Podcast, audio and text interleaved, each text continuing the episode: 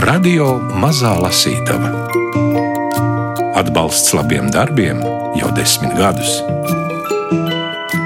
Borisa un Ināras Tetereva fonds. Man šķiet, sākās ar Adeli. Tas ir senākais, pēc tam bija Margarita. Pēc tam es vienkārši tā iedomājos, ka varētu veidot kompozīciju. Tā viņi sanāca kopā. Man šķiet, ka tur vairāk ir ainava. Ainavs ar sievietēm. Ja? Jā. Sākumā bija Adele, tad sekoja arī citi stāsti, līdz kopā deviņi stāsti par deviņām sievietēm sastapās Ingas Ābeles grāmatā Balta kleita. Fragmentus no trim stāstiem lasa Gunārs Aboliņš. Inga Abele, Balta kleita. Pirmais stāsts - Adele. Adele atnāca pie mums pēcpusdienā, kad saule jau bija izgūlusies zemu virs nama jumtiem. Viņa noāva kurpes, pameta pie sliekšņa un ne vārda neteikusi, apsēdās pie galda. Viņa skatījās mums cauri pretējā sienā, un viņas acis bija kā divi lauskās sadrupuši glāžu trauki. Māte viņa gribēja dot bučas, bet viņa grieza galvu prom. Beidzot, tēvs, ēdams launagu, noslaucīja muti un uzkliedza, lai protas vismaz labvakar padot, citādi viņam izlikšoties, ka velti cilvēku audzinājis. Adela sarāvās no tēva balss, kā no pēkšņi izsistas rūtas caurvēja, paķēra dārza būdas atslēgu un basām kājām aizskrēja pa taku gar ābelēm. Māte teica, ka tik skarbi ar bērnu nevajag runāt, jo nav ne jausmas, kas ar viņu noticis. Mēs taču neko nezinām. Viņa uztraucās vārīdama Adelē kafiju. Tēvs skatījās televizoru un atcirta, kas gan cits vienmēr tā Adeles spītība. Kad māte grasījās nest Adelē kafiju, es prasījos līdzi. Nāc vien, māte ļāva un iedeva man kūkšķīvi. Mēs gājām pāri pagalmam, augsti celdamas kājas, lai zāles stiebri pēc nesen lijuša lietus nesamitrinātu mūsu kleitas. Taka uz šķūnīti sen nestaigāta bija aizaugusi ar pojeņu krūmiem. Pojenes stāvēja pilnos ziedos, vīnsarkanos un baltos. Tām bija sārtas auglenīcas un zelta putekšņa lapas, kā smagi kausi ar medu. Pāri dārza zaļumam varmācīgs zils, gulēja vasaras pilnesīgais miers. Pa to kā elektriskā strāva svalbdamas skrējas vīrs. Māte lika man attaisīt durvis, jo viņa bija aizņemtas rokas. Mēs pārkāpām pār slieksni, un, kad acis aprada ar pustumsu, es ieraudzīju pie sienas vecā krēslā ierāvušos adeli. Viņa bija novietojusi sevi tur kā salauztu porcelāna lelli, kam attiris kakls un galva ar divām degošām acīm atbalstīta pret sienu. Telpa smaržoja pēc pelējuma un ilgi netraucētām lietām. Gaismas strēle, kas iekļuva pa šauro logu, kautri gulēja uz grīdas. Māte notrauca no galda ziemas putekļus, nolika tur kafijas tasi un piena krūku. Dzer, viņa teica Adelei, enerģiski samaisījusi melno ar balto. Māte ar vāru cēla tasi Adelē pie mutes, ar otru roku pieturēdama viņas pakausi.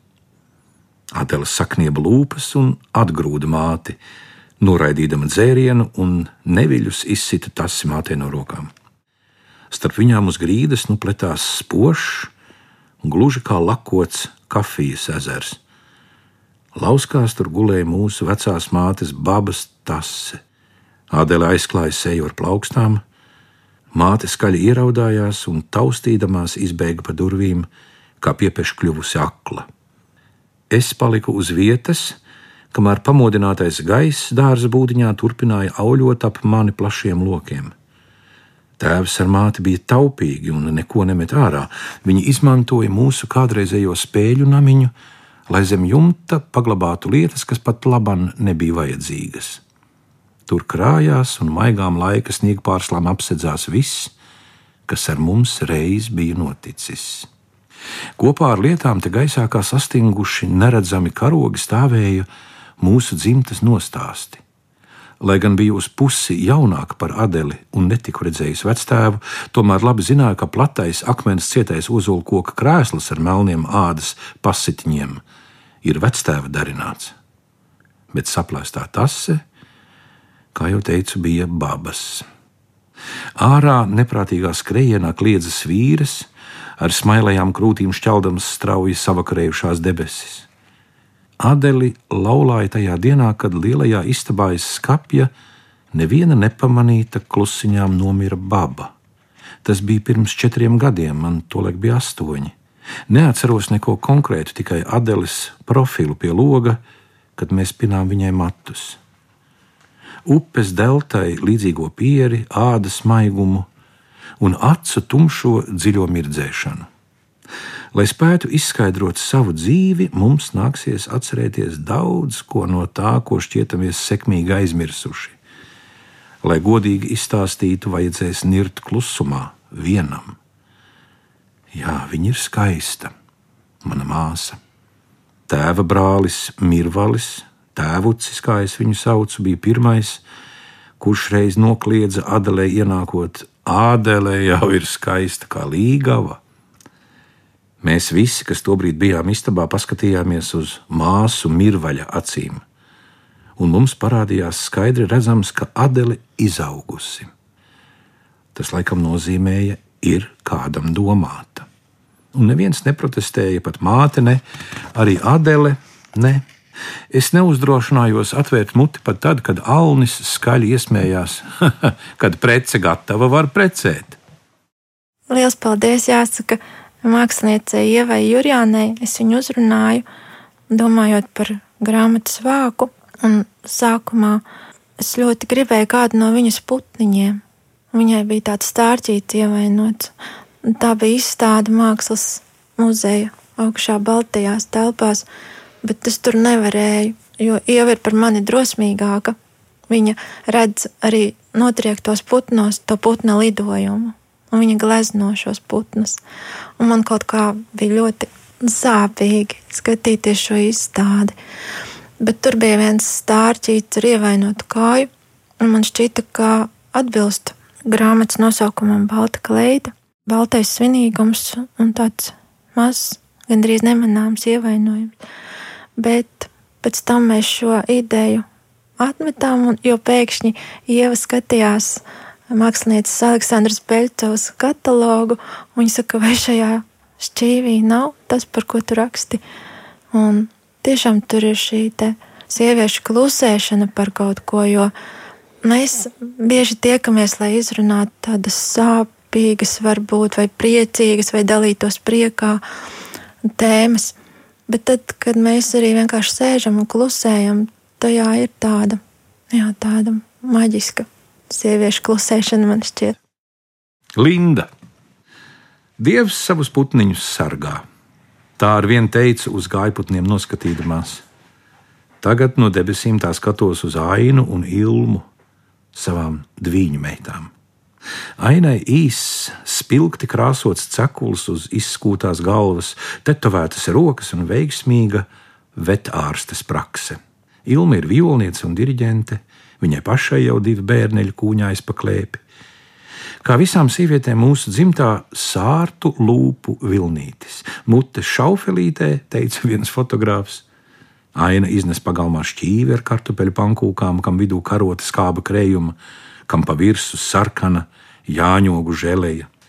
Brūklēnas viņas vēl nav lasījušas, vēl jau tikai augusts, un rīt arī ir diena. Ilma paņem šķīvi un jautā, kā var pārdot krējumu par vienalga kādu cenu. Krējums taču ir vislabākais no mīlestības, ko govs velta savam teļam. Kāda cena var būt mīlestībai? Atceros, kad meitas vēl bija mazas, liku viņas gulēt, un kāpjot uz otro stāvu, Ilma reiz tumsā teica: Turies pie maniem matiem. Tā viņa sacīja, mazā būtne. Un es turējos pie matiem, balti vizošiem kā upe, kamēr apkārt šļakstījās mēnesis sudrabainā gaisma. Tas bija tā, it kā mūsu kuce būtu pastiepusi savu asti, it kā lovisa no mēnesis būtu pasniegusi plaukstu, it kā vecais aklais kaķis būtu devis atspaidam savu kaulaino zivs asakai līdzīgo kumbru, it kā māte Mare būtu piedāvājusi stipro, nu jau nejutīgo roku. It kā mēs visu laiku esam daudzi, bet es gribēju palikt viena. Vientulība ir attīrīšanās. Es alku nomazgāties, izlobīt savu būtību no gadiem, apkārt aplipušas drazas, laika un gaitas. Augstās rudens naktīs es gāju uz satikšanos. Klausījos, kā gājputni kliegdami aizšauts tumsā pāri uz jūru. Tāpat kā Lovisa un Māre, es ilgojos pēc jūras. Manas ilgas bija vienmēr klātesošas un reizē tālas kā tā roze, kas aug pie popes stūrmājas sienas. Tur aug roze, ko stādījusi Lovisa. Tur ir lievenis, uz kā sēdēja māre, mizodam ābolus, tur ir iecirsta stendere. Kad meitas auga, viņas bija jānomēra. Līdz vienu dienu es paķēru bērnus un aizbēgu no cirvja uz kaiciemu pie Sāruma ezera, kas meitenēm šķita drūma un dziļa iekšzeme. Lovisas un Māris valoda arī ir jūra. Es viņas mierināju. Ainaži, kuiviži, ķirbiži, pabaži, korģene, gauja, sārums, Vai jūs zināt, ka sārums ar āstaru vienreiz sarunāja bēgt, kad ļaudis tiem nedeva vārdus? Kas ir āstars? Agrāk Burtnieku ezers bija āstars, kur tagad pie Valmieras muklājas tīrelis. Jau septiņi gadi iepriekš ezers bija sadomājis šo vietu atstāt, tādēļ jaunajā vietā septiņi gadi redzēta melna cūka rokamies. Ko viņi tur rakusi un kas īsti tāda bijusi, nedabūjuši zināt, bet aizdzīt arī nevarējuši. Tad vienu dienu āstars šņāgdams, krāgdams atnācis pa gaisu un nometies, kur cūka rakusies. Melnā cūka bijusi ezera valdniece, kas iepriekš atnākusi vietu sataisīt, saprotat? Ilgi ezers jaunajā vietā kaucis. Kāpēc viņš kauca? gribēja zināt Ilma. Jo ezers kauc, kad viņam nav vārda. Vai viņam ir grūti? Miegainā balstiņā no tumsas prasīja aina. Nu, grūti viņam, meitiņ, ļoti grūti. Te vienu svētvakaru viena sieva nesusi mazu meitenīti pirtī, un bērns prasīja, ko tas āstars tur kauts. Tās bērniņa nav āstars, tas ir burtnieks. Un ro, no tā brīža ezers vairs negaudojas. Un vēl fragments no stāsta Klinta it kā reāla situācija lidostā, kur sastopas cilvēki, kuru lidmašīnas ir atceltas. Bet rakstniecei Ingai Abelei te rodas stāsts. Jā, tas ir reāls piedzīvojums, bet tomēr vienmēr jāmēģina vispārināt šis notikums. Allež tam visam ir kaut kāda sava vieta, tikai jāuzmina, par ko tas šis stāsts ir. Un tad paliek, kļūst tā mierīgi. Visi stāsta sieviešu vārdos. No nu ja. Visām balts kleitas, klinta. Viņa atrauj skatienu no sava iPhone ekrāna un pievēršas ainavai aiz loga. Vilciens Norridža, Kembridža, Stansteda ir apstājies zeltainas, nokaltušas Anglijas vidū. Svelmainas saules vējš plūina palsas smilgas un krūmājas. Blakus sliedēm plešas ganības ar cūkām, kas no tveicas slēpjas mazās būdiņās. Smiltīs prātīgi pastaigājas pelēka zīda vārnas ar rūpīgi apdarinātiem ogļu melniem spārngaliem, knābi no karstuma vaļā. Vientuļa un trausla pie apvāršņa negaisa mākonim pretī dodas kāda maza, drosmīga lidmašīna. Klintai pretī sēdošā meitene arī paceļ acis uz logu. Viņas klēpī klade, liela un bieza ar baltām lapām. Atbalstījusi klādi pret mazo galdiņu, meitene raksta tajā ar pildspalvu, raksta brīvi plūstošiem viļņiem, apaļiem stāviem burtiem, it kā paisums pamazām apklāja lapu pēc lapas. Viņa paceļ acis un lūkojas logā, bet skatiens tāls un neko neredzošs. Vēl iepalicis aiz ainavas, vēl koku, tiltu, un torņu ēnas slauka viņas pieri ar zilām ēnām. Viņa spēcīgi sakož pildspalvu, tad pieraksta pēdējo domu. Tā lielā laime rakstīt, skaudīgi nodomā Klinta. Meitene atgūstas realitātei.